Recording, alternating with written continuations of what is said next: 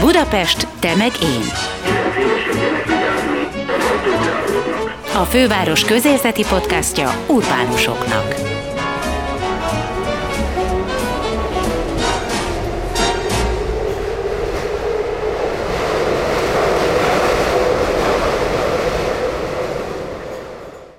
Sziasztok, ez itt a Budapest Te meg én podcast. Köszöntelek benneteket Gellért Gábor kollégám nevében is. Én Veres Dóra vagyok. Ma Prokop Dóra lesz a vendégünk, aki egy igazi vidéki budapesti, aki nem a városban él, de ötleteivel, vállalkozásaival sokat tett hozzá Budapest arcához, karakteréhez. Tévésként kezdte, majd tévécsatorna tulajdonosként folytatta karrierjét, de férjével éttermet és pop-up fotós kávézógalériát is álmodtak már a fővárosba. Legújabb szenvedélye a gyógyítással kapcsolatos, de nem az orvosi diplomáját használja hozzá, hanem egy alternatív módszert, amiről nagy lelkesedéssel mesél. Következzen Prokop Dóra.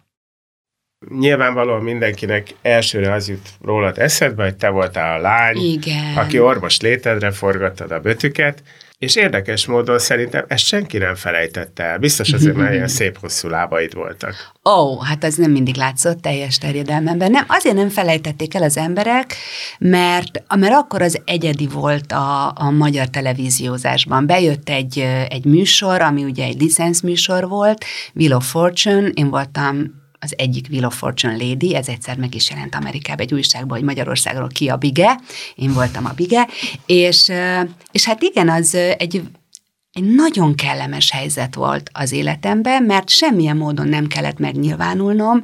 Ellenben ö, bábként ott közreműködtem egy produkcióban. De miért mondod kellemesnek ezt? Hiszen hát, te meg pont nagyon kellene. szeretsz megnyilvánulni, nem? Ö, akkor azért én még, hát, hát menjünk vissza az időbe, 93, 94, tehát én akkor én nagyon kislány voltam. Valamikor a múltkorjában kezembe került az első velem készült interjú, ahol egy teljesen más lányt látok a mai szememmel. Tehát még nem volt hangom, még nem volt véleményem, még nem e, teljesen friss volt az, hogy engem érdekel az baráti körömön és a családon kívül, vagy én érdeklem a baráti körömön és a családon kívül bárkit is érdeklek. Ugye ez egy nagyon furcsa helyzet volt, és nagyon hirtelen lettem népszerű, ugye, mert akkor hány tévécsatorna volt, hát meg tudnánk ugye három ujjunkon számolni, és, és hát a csapból is ez folyt, ez a műsor folyt.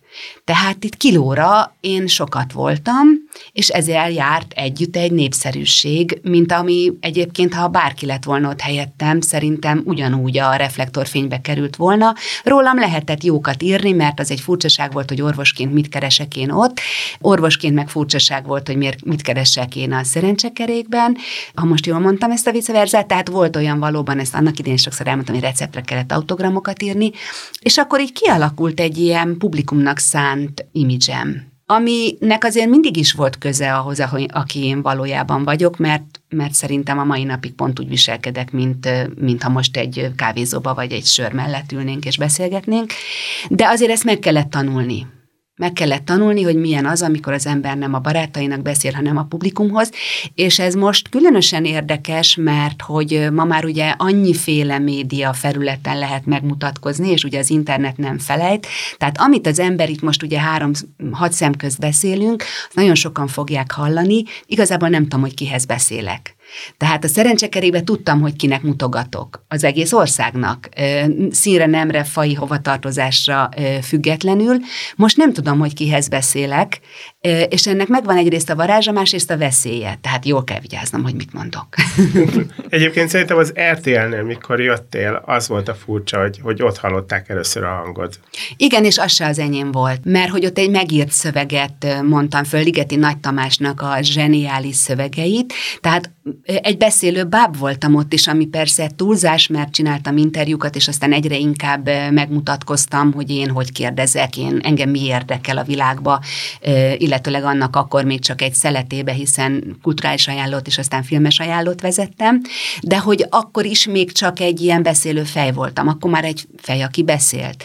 És aztán így mellesleg interjúk kapcsán, cikkek kapcsán mutatkozott meg, hogy, hogy én ki vagyok, meg hogy ez, ez valakit érdekel egyáltalán.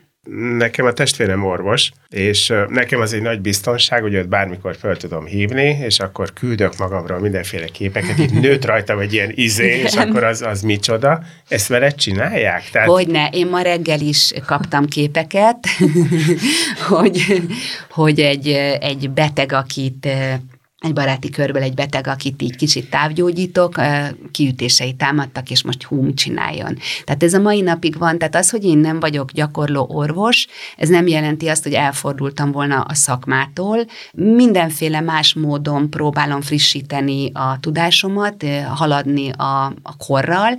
Hát ennek az egyik felülete az, hogy azért én a családomat nem nagyon küldöm orvoshoz, hanem igyekszem megoldani a problémákat.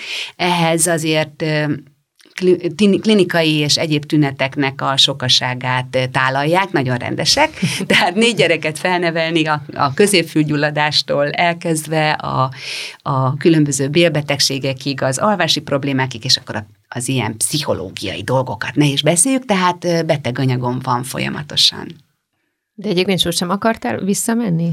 Hát ez nekem sokáig egy ilyen lelkiismertfordrási dolog volt, hogy mi az, hogy én ugye egyszer már választottam egy hivatást, ez ötödikbe volt, és akkor én attól azért nagyon messzire kerültem, és mindig volt bennem arra egy igény és szándék, hogy, hogy azt az ismertségemet, vagy azt, amivel tudást, talán lehet így mondani, amivel ma már rendelkezem így 54 évesen, azért az mégiscsak ö, ö, tartozik a világra, mindig is a társadalom hasznos tagja szerettem volna lenni, de így utóbb azt kell, hogy mondjam, hogy megtaláltam a felületeimet, ahol, eh, ahol talán tudok, a, ahogy Lovasi András mondja, a világ nagy kakához számos lapátkakát hozzálapátolni, szóval, hogy igen, azért ez buzog bennem változatlanul, és majd biztos fogunk róla beszélni, hogy ennek milyen megnyilvánulási formái vannak jelenleg.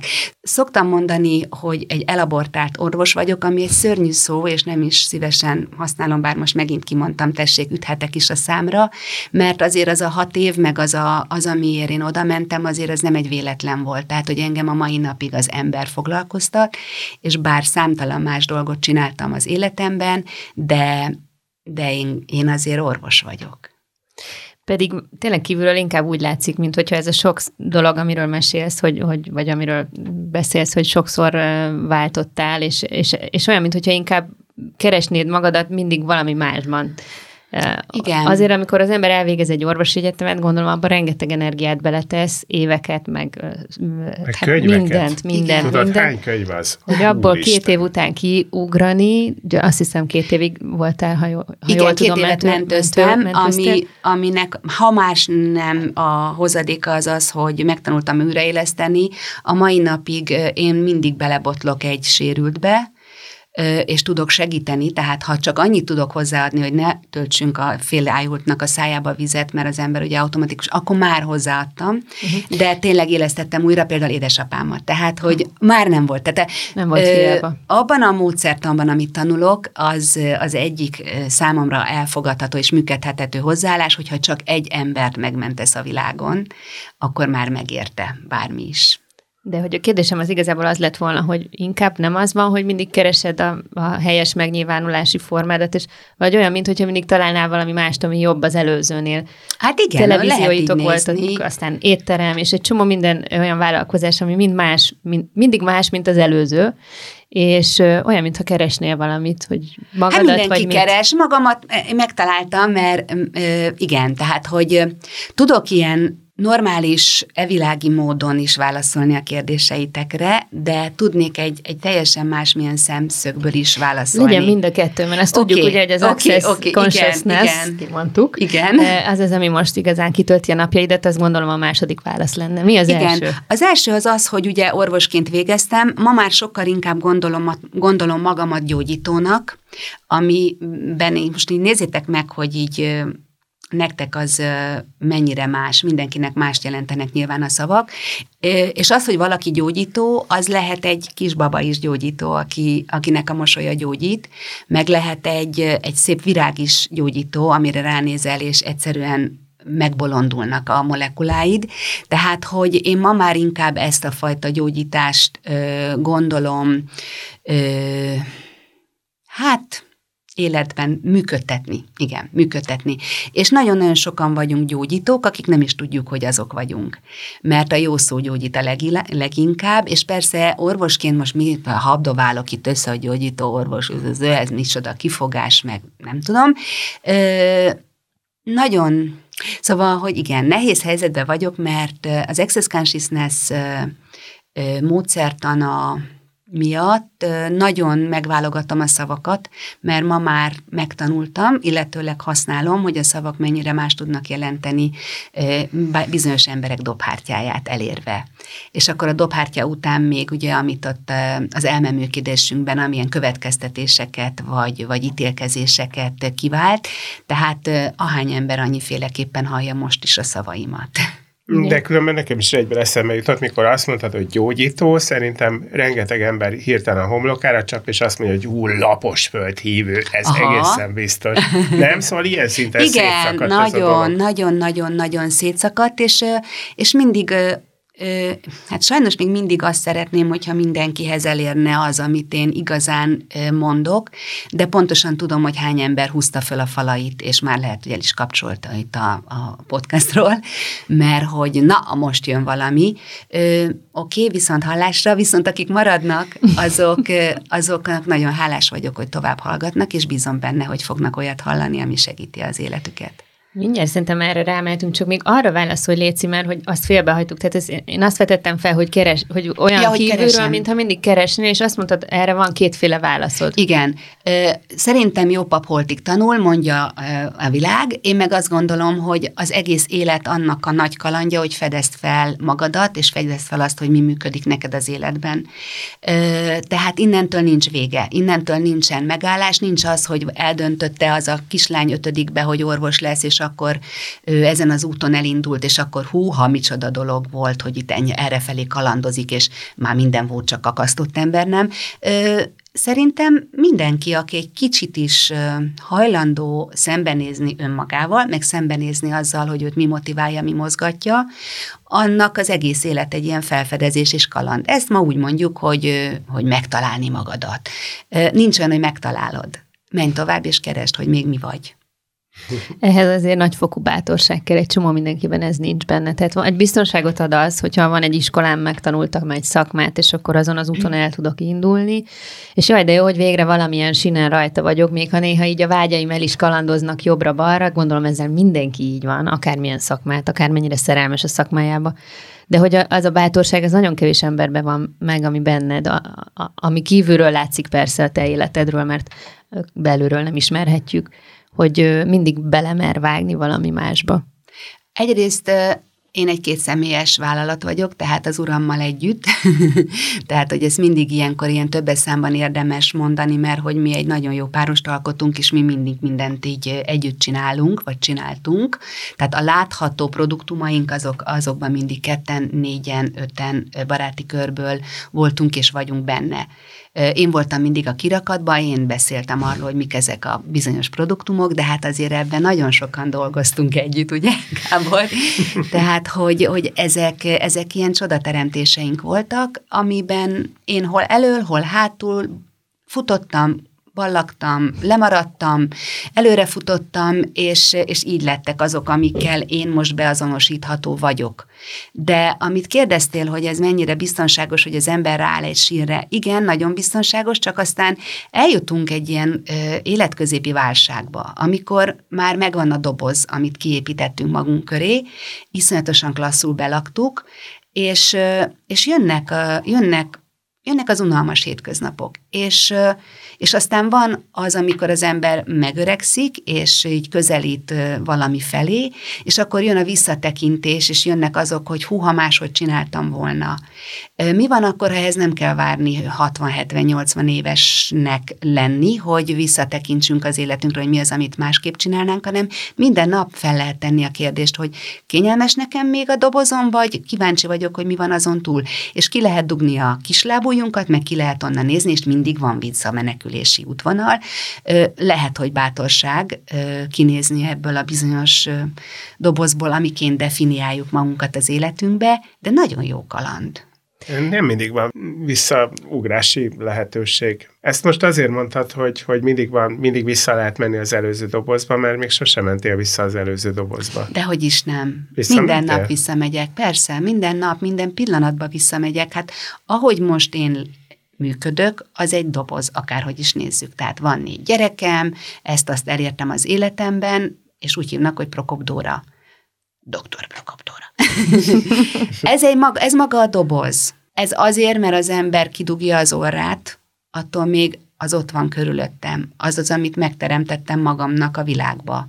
Ja, így értem. Így, mm. így értettem. Tehát az, hogy, hogyha azt mondod, hogy most szakmát váltani, és akkor úgy beleugrani valami újba, az már kilépés a dobozból. Ameddig csak annak a lehetőségét vetett föl magadnak, vagy magad számára, hogy, hogy érdemese kinézni, és érdemese más dolgokat is megnézni a világból, akkor oda még vissza tudsz futni. És egyébként pedig, nem tudom, kérdezem, tényleg nincs visszaút? Szóval ha már az ember kidugja a fejét, ugyanoda akkor... Biztos nincs. Hát ugyanoda nincs, hát persze most mm. ebbe belemehetünk ilyen a, ugyan, kétszer ugyanabba a folyóba, drillili tralala, de hogy az élet egy kaland. Még akkor is, hogyha abban néha nagyon-nagyon nyakon önt minket a, a trutyi. De nem attól vagyunk lasszak, hogy túlélünk, hanem attól vagyunk lasszak, hogyha élünk. Jó, de ezt most úgy értettem, hogy, hogy mikor elkezdtétek a, a saját céget, és lett az első csatornátok, a Filmmúzeum, aztán utána egyre több. Akkor, akkor egy idő után már ilyen komoly gyártók és beszállítók voltatok. Szerintem oda már azért nem mennél vissza, mert az, egy, az tényleg egy visszalépés lenne ugyanabba a folyóba. Uh-huh. Én akkor is abban a rendszerben is csak a Prokop Dóra voltam, aki, aki néha komoly tárgyalásokat csinált, néha ablakot pucolt. Mert, Meg mert... néha behozott egy virágot. Erre mindig emlékszem, hogy, hogy, hogy? hogy egyrészt ennyit, ennyit el kell mondanom, hogy amikor én ott dolgoztam veletek a filmmúzeumban, életemben annál szabadabban valakinek nem dolgoztam. Soha. Nagyon örülök. És akkor úgy volt, hogy én bementem, és akkor ha te ott voltál, akkor általában hoztál valami dövényt, azt leraktad középre, és azt nézegeted, hogy ez jó helyen van, vagy nincs. Aztán megcsináltad a pásztrámi éttermet, bementem, az is olyan, voltál, olyan volt, mint te. Köszönöm. Mint mi. Mint mi. Jó, jó, jó. Mint mi. E, igen, valóban óriási szabadság volt mindenki számára megengedve. Az egy csoda, csoda munkahely volt, és hogy visszamennék-e? Igen, azt a fajta közösséget, azt bármikor szívesen felépíteném, hogyha az életem úgy fordulna, vagy arra fordítanám, mert azt a hangulatot most nevezzük így, ami ott volt, az most független attól, hogy mit csinálsz, azt meg lehet teremteni egy másik ö, modellben is, vagy egy másik struktúrában is. Tehát, hogy ott tök mindegy, hogy filmhozamot csinálsz, hogy éttermet alakítasz ki, hogy kávézót üzemelsz, hogy tehát, hogy, hogy mindenképpen jó kedvel csináld, és úgy, hogy a, a többieket is arra buzdítod, hogy, hogy szabadon és felnőtt emberként álljanak hozzá, akár egy munkakörhöz is. De az nagyon más világ volt, Gábor. Tehát, hogy 90, mi 2000-et írunk, tehát, hogy azóta nagyon-nagyon sok minden megváltozott a világba. Nem vagyok benne biztos, hogy létre lehetne hozni még egy ugyanolyat. Én inkább azt mondom, hogy milyen, mit lehet létrehozni, ami még annál is jobb. Még nekem valami így szöget ütött a fejembe, csak aztán valahogy sodortátok a beszélgetést, és nem léptem közbe, de hogy amikor a dobozról beszéltél, meg arról, hogy kilépni, visszalépni, hogy azon gondolkodtam, hogy tényleg bármivel kapcsolatban megcsinálhatja az ember, mondjuk a, a, a legközelebbi emberi kapcsolataival nem nagyon. Mert akkor, akkor a szomorúság a vége. Ezen az egyen gondolkodtam, hogy vajon erre mit mondanál. Hát, ha van egy három-négy órád, akkor elmondom privátba, mert, mert tényleg az az út, amin most haladok, az nagyon, annak az a lényege, hogy minden pillanatban ránézek arra, hogy amit addig működtetek, és amit addig gondoltam egy helyzetről, akár legyen az egy kapcsolat, legyen az a, az egészségem, legyen az a testem, legyen az a pénzügyi helyzetem, nagyon máshonnan is rá lehet nézni. Ez egy napi, folyamatos pásztázás az elmémben minden pillanatban. Erre rá lehet szokni, és ez iszonyatosan klassz és nagyon hasznos, és, és ennek eredménye az, hogy ma már úgy kormányozom az életemet, hogy hát most bocs, tudatosan. Tehát, hogy nem azt nézem, hogy merre sodor az élet, meg hogy mit dob a gép, meg hogy mi történik most velem, meg milyen istencsapás ér most engem, hanem hogy mi az, amit választhatok, amitől az a helyzet könnyedebb lehet. De attól a helyzet nem lesz rózsaszín. A helyzet az vacak is tud lenni, hanem, hanem a nézőpontjaim tehetik azzá, mint ahogy ezt már egyébként Hamlet is mondja, hogy nincsen, most lehet, hogy nem jól idézem, nincsen jó vagy rossz dolog, csak a gondolataink teszik azzá. Lehet, hogy nem is a Hamlet mondja, úristen. Na szóval már Shakespeare is írt valami effélé, hogy igen, minden a nézőpontjainkon múlik. Tehát lehet ugyanazt a helyzetet, és ez nem a rózsaszín szemüveg. Lehet ugyanazt a helyzetre úgy is ránézni, hogy úristen, milyen tragédia, és lehet úgy is ránézni, hogy de ez hova vezet engem és onnantól a lehetőségeket keresni minden egyes helyzetben. Tehát visszatérve, hogy a kapcsolatokból ki lehet-e lépni, és az milyen fájdalommal jár, ö, hozzunk egy példát, mondjuk egy rossz házasság. Nincsenek egyébként receptek, és, és azt nagyon fontos kihangsúlyozni, hogy minden egyes pillanat és minden egyes helyzet egyedi. És pontosan ez az, amitől ez a módszertan nekem más, mint bármi, amit eddig tanultam, láttam, megfigyeltem, mert hogy nem receptekhez nyúl, és, és elővesz olyan működési mechanizmusokat, amik egyszer bejöttek, és akkor most is alkalmazhatom, hanem minden egyes pillanatra ránéz, hogy akkor az nekem és az abban a helyzetben lévőknek, vagy létezőknek mit, mit hoz, mit teremt, mit, mit fog változtatni az életén. Tehát hány olyan vállópert látunk, ahol például az hangzik el, hogy bárcsak tíz évvel haza, hamarabb megléptük volna. Igen, ez, ez is butaság gondolni, mert legalább az ember egyszer lép, és persze lehet mérlegelni egy vállópernő, hogy a gyerekeknek milyen rossz, de a gyerekeknek lehet, hogy pontosan jobb az, hogyha, hogyha egy tisztázott helyzet adódik, és nagyon, nagy, és nagyon sok fájdalommal tud járni egy ilyen, de mindig a felé kell kanyarítani a dolgainkat, hogy hol van benne egy lehetőség, ami egy nagyszerűbb jövőt tud hozni. Tudom, hogy már írtad meg, mondtad más interjúkban, hogy nehéz elmondani pontosan, és főleg három mondatban, hogy mi, mi ez az access, access consciousness. Egyébként magyarul ti hogy hívjátok? Nem hívjuk. Nincsen. Sajnos hogy, hogy megint... mondod röviden, amikor csak így mondod, hogy mentem Hát ez a, a hülyeség. Ez Jó, ez egy hülyeség, aminél az emberek téged. rögtön becsuknak, hogy na ez már megint biztos valami spiri hülyeség. Nem az. Tehát ugye a más nézőpontot hangsúlyozod, nekem a, a holdköltök jutott az eszembe, hogy ott van az, hogy fölmászni az asztalra, vagy mit tudom én, valahová magasra, és onnan ránézni Abszolút. arra, onnan szemlélni azt, amit Igen. csak uh, egyébként lentről láttál addig, és tényleg rögtön valamit meglátsz, meg valami más eszedbe jut. Körülbelül így ilyesmi? Igen, ilyesmi. És amikor valakit kérdezek, mert ugye ez arról szól, hogy ha magamat is kérdezem, és másokat is, akit facilitálok, kérdéseket teszek föl, mert abban erősítem meg őt, hogy nálánál jobban senki nem tudja, hogy vele mi történik. Viszont ő tudja. És a kérdésekkel kinyitogatjuk az ajtókat, és látjuk, hogy mik jönnek, mik jönnek azon túl be egy helyzetbe, amit ő addig sziklaszilárdan gondolt arról.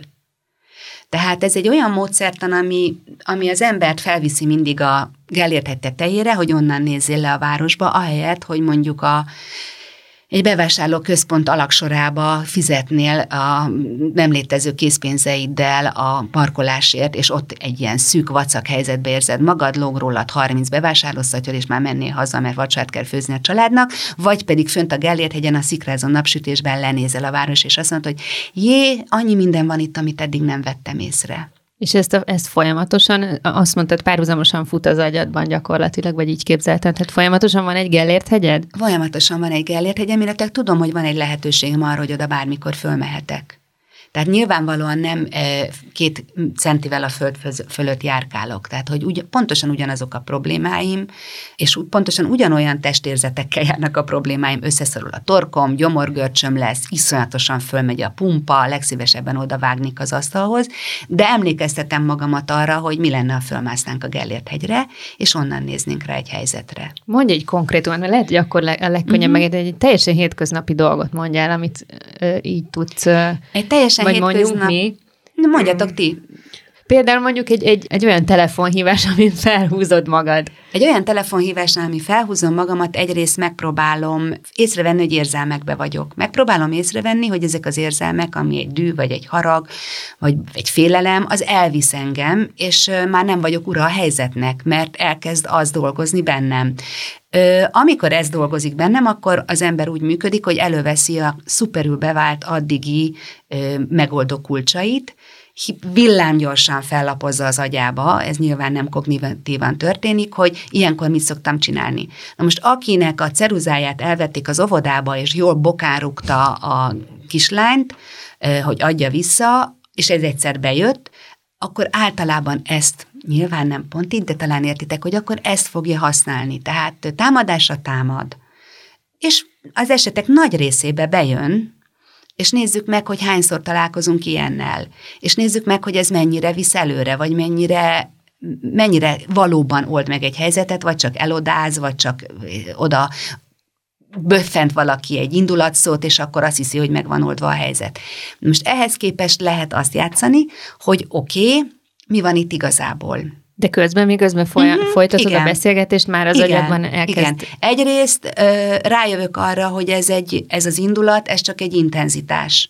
Tehát emögött, ha akarom, lekanalazom azt, az, azt ami, ami valóban testérzeteket hoz, hogy wah, iszonyatosan ideges leszek, elindul a tenyerem izzadása, vagy bármi, és azt mondom, hogy oké, okay, ha ez egy intenzitás, mire tudom használni.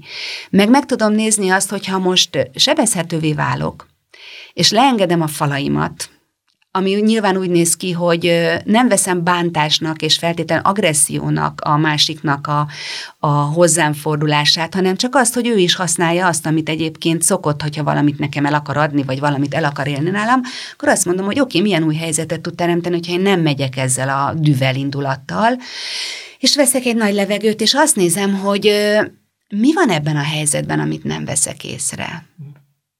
Mi az, mi, az a, mi az a dolog, amin igazából röhögnöm kéne, ahelyett, hogy felcsesz?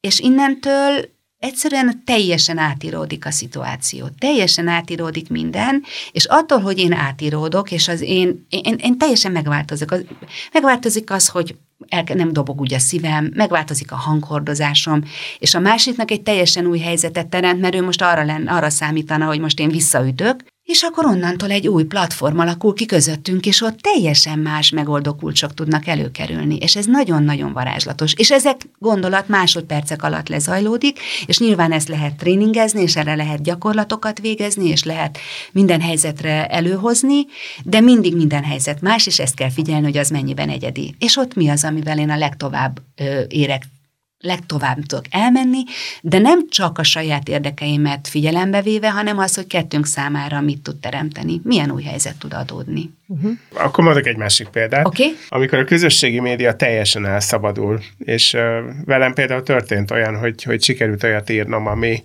ami kiakasztott bizonyos embereket, és akkor átéltem azt, hogy ilyen iszonyú. Tehát nem az volt, hogy valaki megtámadott, hanem többen. És uh-huh. ez mhm. mostanában veled is megtörtént. Igen. Hogy valamit mondtál egy interjúba, és egyszerűen teljesen értelmetlenül rád rohant a nép.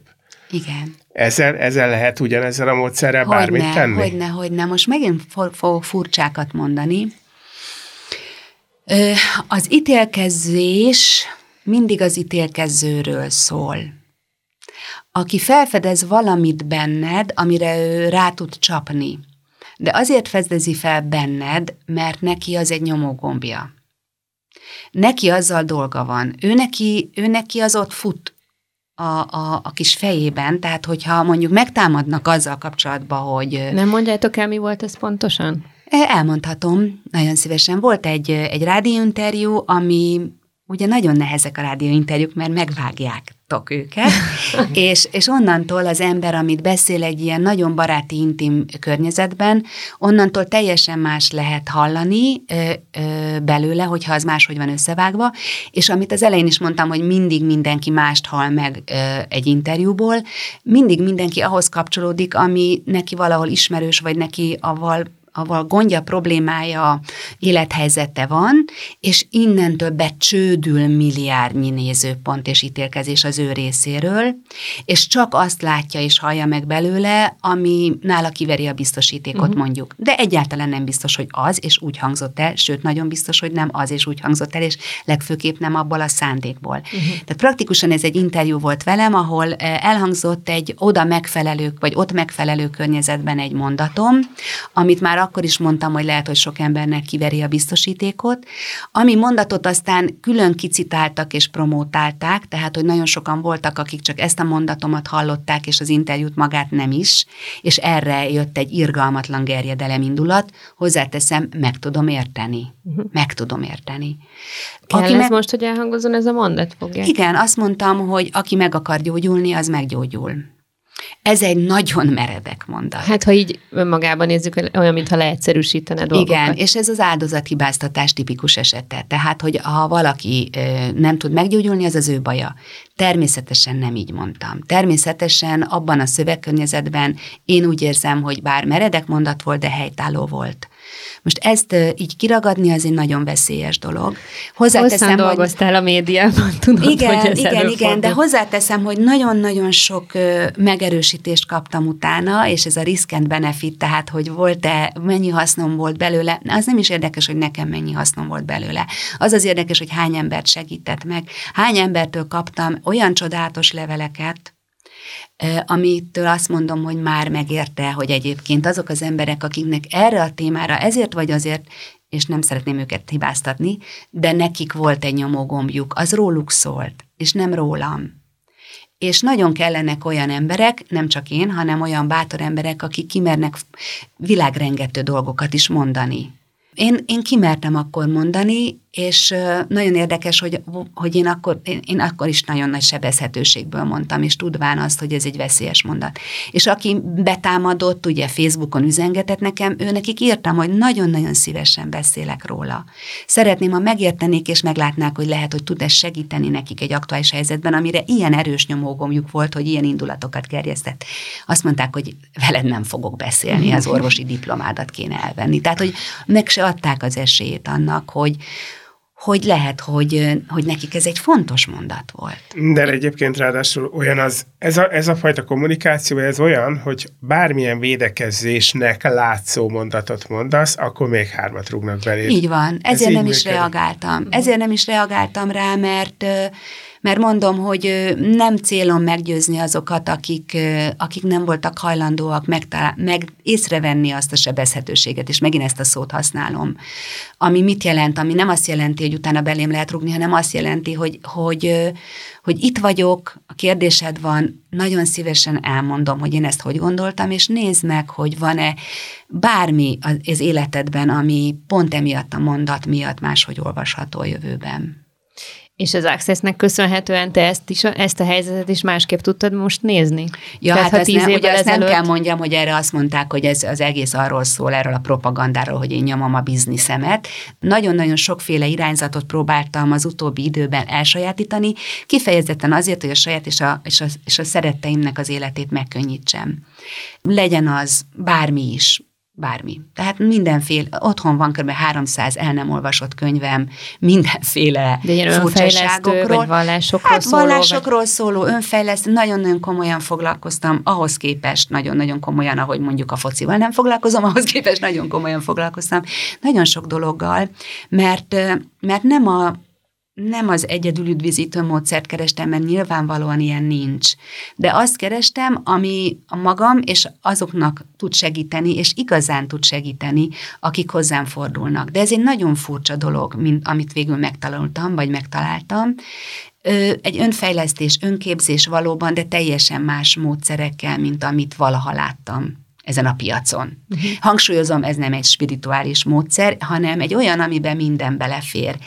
Belefér, amit csak akarsz, az belerakhatsz, viszont mindenek fölött van, mert mert hogy a tudatosságodról szól. Mi a tudatosság? Az az, hogy nem úgy tekintesz az életedre, hogy itt egy, egy báb vagy, amit itt az élet viharra ráncigál ide-oda, hanem az, ahol és ahol, a, ahol tartasz és amiként most vagy, az az addigi választásaidnak az eredménye. De mindig te hozod meg a választásokat, még akkor is, ha a választásaid nagy része nem kognitív, tehát nem egy szándékos választás, hanem egy tanult minta a gyerekkorodból, a szüleittől, a tanáraitól, a társadalomtól átveszünk mindenféle megoldó kulcsokat és praktikákat, és ezeket használjuk. Ahogy így beszélsz erről, én végig azt érzem, hogy ez bizonyos intelligencia szint alatt ez nem működik. Nem igaz. durva, mert pont ezt akartam ezt mondani, hogy nekem is olyan érzésem, hogy ehhez már kell el, hogy ez nem igaz. Tehát, hogy, hogy, hogy ebben a ebben a csapatban, akikkel most mi egy ilyen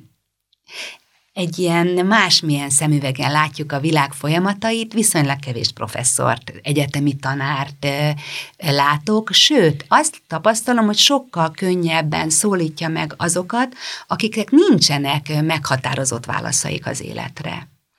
Nagyon tetszik az a példa, hogy van egy TEDx-es interjú egy, hát talán most már 10 4-5-6 éves lehet egy fiú, aki súlyos autizmussal született, és akkor azt mondták az orvosok az édesanyjának, hogy a cipőjét sem lesz képes bekötözni, olyan, olyan nagyon-nagyon e súlyosan autista volt. És ez a, az édesanyja úgy döntött, hogy nem áll meg itt. Ugye? Tehát amikor, amikor azt mondjuk, hogy oké, okay, ez most a pénztár a parkolóba, de hogy fölmegyek a Gellért egy tetejére, és megnézem, hogy és milyen lehetőségek vannak még, és addig járok a végére, amíg nem találom meg azt, amit én működtetni tudok.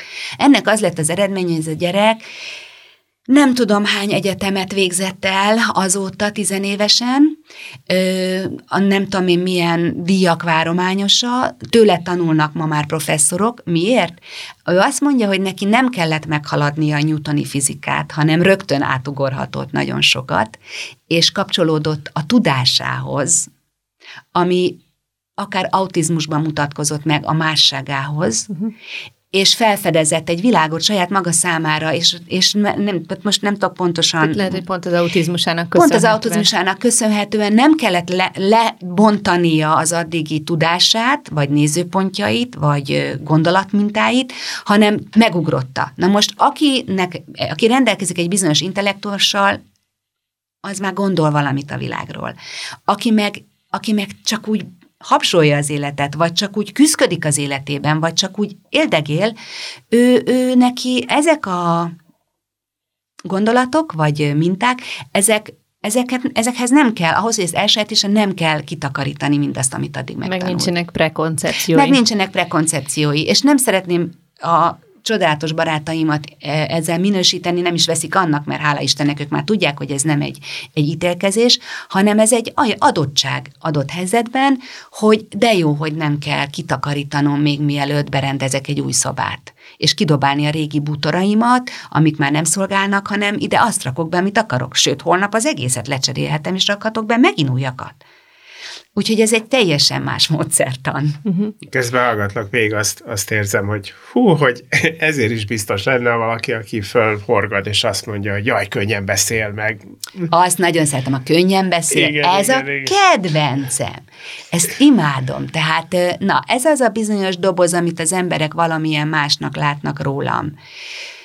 Szoktam mondani, hogy azt, ami vagyok, nem a szél fújta össze, és ez, ezzel sincsenek az emberek megelégedve, mert amikor négy gyerekkel ugye dolgoztunk három tévécsatornában, nagyon-nagyon sok munkaórába, és nem is tudom ma már elképzelni, hogy hogy bírtam, de valószínűleg azért, mert olyan hatalmas könnyedség volt akkor ebben a csapatban, és olyan csodálatos emberekkel lehetünk együtt, hogy nem volt kérdés, ez nem volt egy küzdködés, persze, favágás volt, hát ugyanúgy megvoltak a napi problémáink, de még mennyi, de ez az a könnyedség, amit akkor meg tudtunk élni, amiről egyébként beszélek.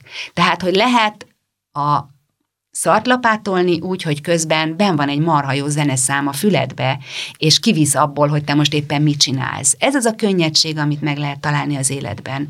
Ö, igen, akkor értek olyan kritikák, hogy biztos egy regimentnyi ember dolgozik a hátam mögött, én meg bebillegek oda, és akkor ott eljátszom a nagy vezérigazgatót. Volt regiment, a szüleim és az anyósom, akik akkor nagyon sokat segítettek, hozták, vitték a gyerekeket. Igen, nem akarok védekezni. Csinálj, akkor is azt mondtam, csinálja valaki utána egy napomat. Most is ugyanezt tudom mondani. Muszáj előhoznom ezt a Covid ügyet. Igen. Mert jött a Covid, és főleg ahogy most élsz, ez egy, ez egy nagyon beszorító dolog. Rögtön elkezdenek szabályokat hozni, azt mondják, ezt lehet, ezt nem lehet. Nagyon beszűkül a tér, beszűkülnek a munkalehetőségek. Mit kezdtél magaddal ebben a szituációban? Elmúlt időszakban egyrészt ugye mi vidéken lakunk, tehát, ahogy mondani szakás, vidéken nincs Covid. Ez hazugság. Nagyon-nagyon komolyan veszem a szabályokat, tehát maszkban közlekedek, és, és mindazt, amit ilyenkor előírnak nekünk nálunk okosabbak, azt betartom. De, de felfedezem azt a világot, amit nekem ez feltár, és ebbe bizony nagyon sok minden más is bekúszott. Tehát azt is tartom, hogy a világ így a 21. századnak már jócskán benne a második évtizedébe, nagyjából mindent tartogat, és minden megoldás ott van. És keressük meg, hogy most a Covid-ra hol van a megoldás, de keressük meg.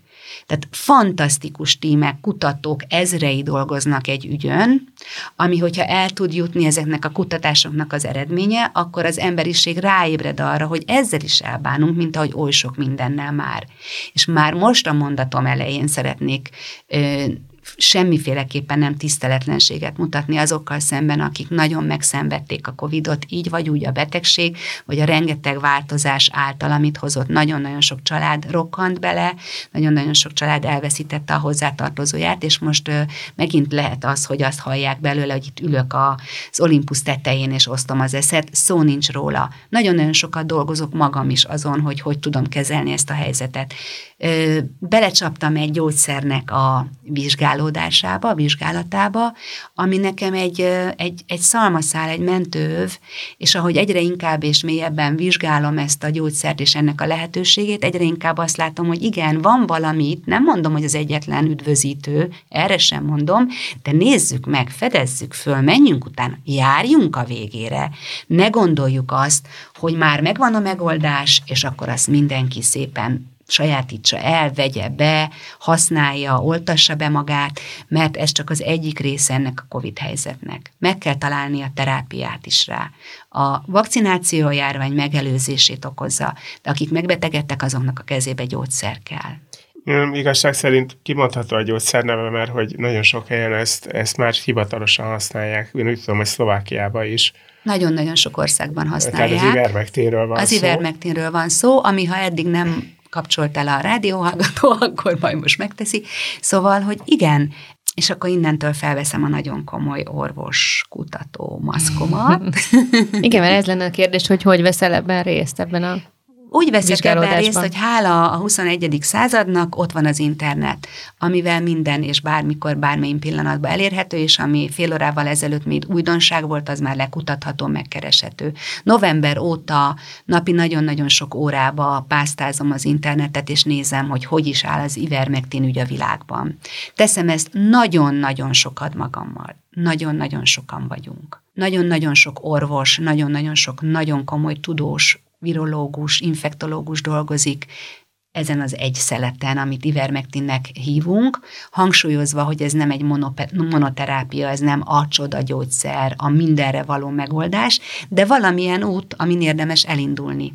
És aztán, ha ezen az úton elindultunk, és ezt kidobhatjuk a kukába, mert nem hoz olyan tapasztalatokat, ami miatt ez érdemes, ezzel érdemes foglalkozni, akkor haladjunk tovább. Én még nem találtam azt meg, amiért itt most már hány hónapja, öt hónapja kutatom, nézem az ezzel kapcsolatos összes információt pro és kontra, és még mindig úgy gondolom, hogy ezzel van dolog. Nagyon is van dolog a világban. És ez a munkád, ez hogy áll most? Hát ez úgy áll, hogy elindult egy gyógyszervizsgálat a Debreceni Egyetem a Korányi Kórház és a Délpesti Orvos Centrum bevonásával, mert hogy ugye az ivermektint jelenleg a nagy nemzetközi egészségügyi szervezetek és most hagyjuk is, hogy miért, abba a helyzetbe kényszerítik, hogy csak vizsgálati körülmények között lehet az orvosoknak használni. Tehát most a Magyarországon ez elindult, és, és remélem, hogy a vizsgálat eredménye nem fog ugyanoda besorolódni, mint az az 55 másik vizsgálati eredmény, és az a 17 ezer, több mint majdnem 18 ezer ember bevonásával történő vizsgálat, ami egyértelműen kihozta ennek a gyógyszernek a nagyon-nagyon erőteljes jótékony hatását, amit egyszerűen lesöpörnek az asztalról, nagyon-nagyon sok orvos lesöpör az asztalról, és, és azzal a hozzáállással közelíti meg, hogy ez egy bullshit, egy hülyeség. Ezek ilyen gyógyszerlobbik, gyógyszerbiznisz kérdések már? Nagyon gondolom. könnyű lenne erre fogni. Nagyon-nagyon könnyű belecsúszni összeesküvés elmélet színű, szagú és ízű okfejtésekbe. Ettől nagyon szeretném, hogyha eltávolodnánk. Fogalmazunk úgy, hogy, hogy egyszerűen ilyen az ember. Nézzük meg, nézzük meg, nem menjünk messze Semmelweis-t, aki ugye behozott egy új módszert, ma már napnál világosabb, hogy egy korboncteremben, korbonc, korboncolás után az orvosnak kezet kell mosnia, hogyha egyébként szülést vezet, ezért nagyon-nagyon meghurcolták Semmelweis Ignácot, ugye ezt tudjuk. Tehát, hogy van egy halála ilyen... Halála is elég csúnya volt. Halála is elég csúnya volt, bár vitatott, hogy hogy, de minden esetre kialakult egy Semmelweis betegség, amit ma már így hívunk, és arról szól, hogy, a, hogy az orvostársadalom mennyire nehezen fogad el valami újdonságot. El kell telnie hosszú időknek, én biztos vagyok benne, hogy ebben nagyon nagy változás lesz, lévén, hogy jelenleg az egyetlen olyan gyógyszer, ami öt vagy hét támadásponttal hat erre a rohadt koronavírusra, ennél jobbat nem nagyon tudunk mutatni. Az egyetlen szépséghibája, nem, több szépséghibája van. Az egyik az, hogy ugye, mint parazita gyógyszer került be a, a humán gyógyszer, használatba. 95 óta humán gyógyszerként alkalmazzák a világban, nagyon-nagyon sok milliárd tablettát vettek be belőle, de ez egy parazitellenes szer. Amikor én ezt meghallottam annak idején, még nem is pont az ivermektinnel kapcsolatban, csak az, hogy van antimaláriás gyógyszer, bennem rögtön összeumrott, vagy összeugrott rögtön egy gyomrom, és azt mondtam, hogy na nehogy már malária ellenes gyógyszert fogok én szedni egy, egy influenza-szerű betegségre. Ugye ez még, mit írunk, a múlt év mondjuk szeptember-október. Tehát megvan az emberekben ez a teljesen, teljesen normális ellenérzés, hogy nem vagyok harmadik világbeli ö, szenvedő beteg, aki mondjuk a folyami vakság betegséggel küzd, és innentől elhatárolódunk egy gyógyszertől, ami más indikációban egyébként működik. Tehát ez egy teljesen természetes reakció. Az is egy teljesen természetes reakció, hogy ami egyébként állatgyógyászati forgalomban is van, és talán mondhatjuk, hogy, hogy jelenleg sokkal több állatgyógyászati esetben használják használják az ivermektin hatóanyagot, mint humán használatban, így az egész világot tekintve, akkor azt mondhatjuk, hogy összemosódik, hogy ez egy állati gyógyszer. Nem, nem az. 92-ben akként fejlesztették ki William Campbell és Omura Satoshi, akik egyébként 2015-ben ugye Nobel-díjat kaptak ezért, de nem azért, mert állatgyógyászati terméket fejlesztettek, hanem azért, mert a humán használatba bekerült az eszen, öt eszenciális gyógyszer közé az ivermektin, mert olyan hatalmas segítséget adott az emberiségnek, hogy gyakorlatilag megszüntetett addig gyógyíthatatlan betegségeket. Tehát ez a gyógyszer bizonyított, de nem ebben az indikációban. Ezt nagyon nehéz megugrani. Igen. Ezt a magánembernek is nagyon nehéz megugrani, és az orvosnak is nagyon nehéz. Ha azt nézzük, hogy ha most így nézzük meg, van egy gyógyszer, az a neve MZ 2500 per 64 Z, ami egy kísérleti gyógyszer, nagyon nagy reményeket táplál hozzá egy gigantikus gyógyszercég, nagyon sok millió dollárt öl bele a fejlesztésébe. Itt van ez a gyógyszer, itt van egy fehér kapszula. És itt van egy ivermektin, ami egy öreg 40 éves, más indikációban működtetett. Jó van el, ha halljuk, a WHO azt mondja, hogy nagyon biztonságos, na, hiszem, ha látom, ugye így működik az ember, itt van ez a két gyógyszer, itt van az óriás erő, itt van egy gyógyszercég, aki ezt nyomja. A gyógyszerügynökségek alig várják, hogy jóvá hagyják, mert itt van az új csoda, próbáljuk ki. Melyiket veszi be szívesebben az ember? Szóval, hogy egyszerűen így működünk, és mondom, nem menjünk bele összeesküvés elméletekbe és gyógyszerlobbiba, én is nehezen vettem be az első adag ivermektinemet. Ja, hogy te túl vagy a saját magad tesztelésén. Hát hogyne, hát hogyne. Aha volt bennem egy rossz érzés, hogy én most egy féreghajtót veszek be. De várj, megbetegedtél és arra szedted, vagy ez ilyen prevenciós? Ö, prevencióban, mert a családomban sokan megbetegedtek. Gyerekeink betegek lettek, és prevencióba, mert hogy látom, hogy működik, bevettem, és nem lettem beteg. Pedig egy légtérben élek velük, vagy éltem akkor velük, ápoltam őket, igaz, hogy tányér az ajtó elé letéve, és ők meg nem nagyon léptek ki a szobából, de mégiscsak egy légtérben voltunk. Tehát nagyon nehezen vettem be az első tabletta ivermektinemet. Ma már nem. Ma már nagyon könnyen veszem be, mert látom, hogy működik.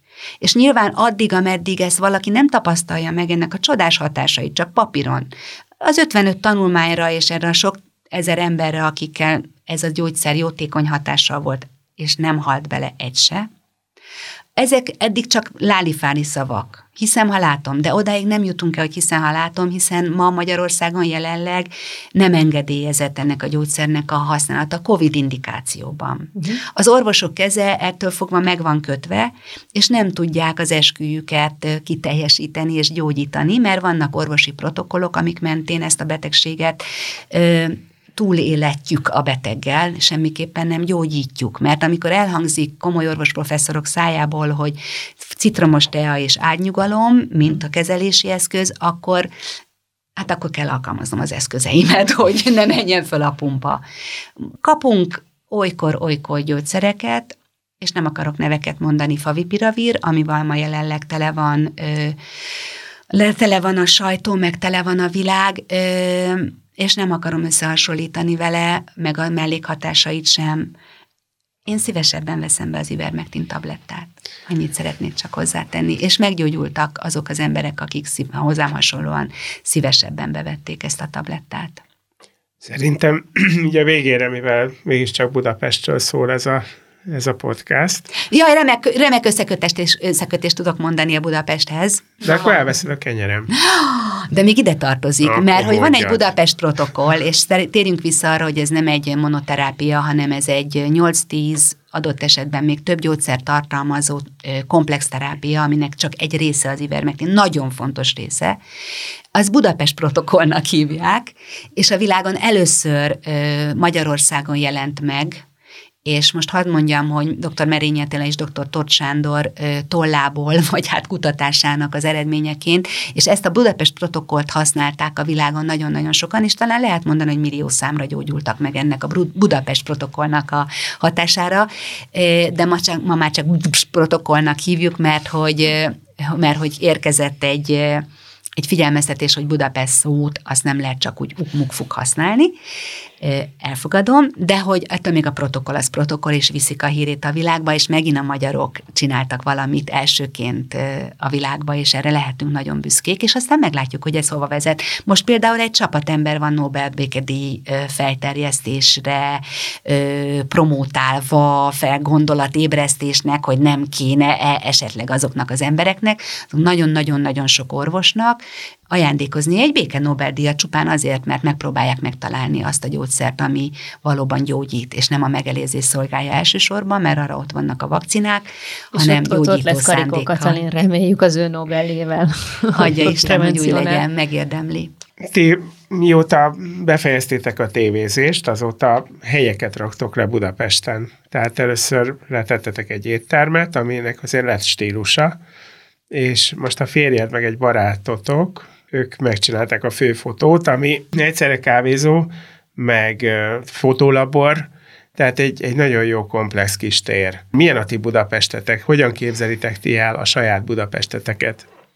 Hát én ugye vidéken lakom, jól érzem magam, köszönöm szépen, de imádok bejárni Budapestre, és a gyerekeinkkel mindig megállapítjuk, hogy nincsen jobb hely a világon Budapestnél nem tudunk úgy átmenni valamelyik hidon egy szép időbe, hogy nem mondanánk ezt, hogy nincs a világon még egy ilyen klassz város. Ezért aztán én egy kicsit a gyerekeim szemüvegén keresztül nézem ezt a klasszvárost, és azt tartom nagy büszkeségnek, hogy most lett egy sziget, a főfotó sziget ebben a városban, ahol a gyerekeink dolgoznak, Zsigmond Gábor barátunknak a gyerekei is, és ugye Krasznai János uramnak a közös gyerekeink is ott dolgoznak, és ettől lett egy ilyen nagyon-nagyon klassz hangulatú hely. Nyilván a fiatalok hozzák a fiatalokat, hozzák a baráti kört, hozzák az érdeklődőket, de ezen túl is egy ilyen pesgés van ott. És ezt én nagyon élvezem 54 évesen bemenni, ott egy kicsit pesgés rezsegni, aztán hazamenni, leülni, az ivermektint kutatni, meg mit tudom én, tanfolyamokat szervezni. Szóval nekem ez maga a, az élet jelenleg. És a Covid előírások nagyon szigorú betartásával a teraszon elképesztő nagy buli van a főfotó előtt, ami adott egy olyan kulisszát és egy olyan ö, atmoszférát, már ez a fotós kulissza, meg a galéria kulissza, ami, ami most nagyon unikális Budapesten, és kívánom, hogy sokan kövessék ennek a példáját, nem elvéve a főfotótól, majd meglátjuk, hogy hogy alakul, de hogy erre most nagyon buknak, egy kicsit Tehát ilyen ez a analóg, funkciós igen, tér. több funkciós, lehet filmeket előhivatni, filmeket vásárolni, régi retro gépeket beszerezni, olykor-olykor, ha éppen a koronavírus engedi kiállítások vannak, fototanfolyamok vannak, tehát van egy ilyen kis munka, hogy mondják, egy ilyen kis workshop jelleg ennek a, az egésznek, meg van egy ilyen kis teljesen intim hangulata is, ugyanakkor azt gondolom, hogy megint valami nagyon egyedi lett belőle, ami a világon bárhol megállna a helyét. Ez volt a Budapest Megén podcast, melyet Budapest városarculati cégének megbízásából a Kinopolis Kft. készített. Ha tetszett, kövessétek az énbudapesten.hu weboldalt és Facebook oldalt, s figyeljétek további Budapeste megénadásainkat. Illetve köszönjük, ha ellátogattok a Kinopolis Facebook oldalára, és megnézitek, meghallgatjátok és lájkoljátok további munkáinkat is. Gellért Gábor és Máj Tamás kollégáim nevében is búcsúzom, Veres Dórát hallottátok.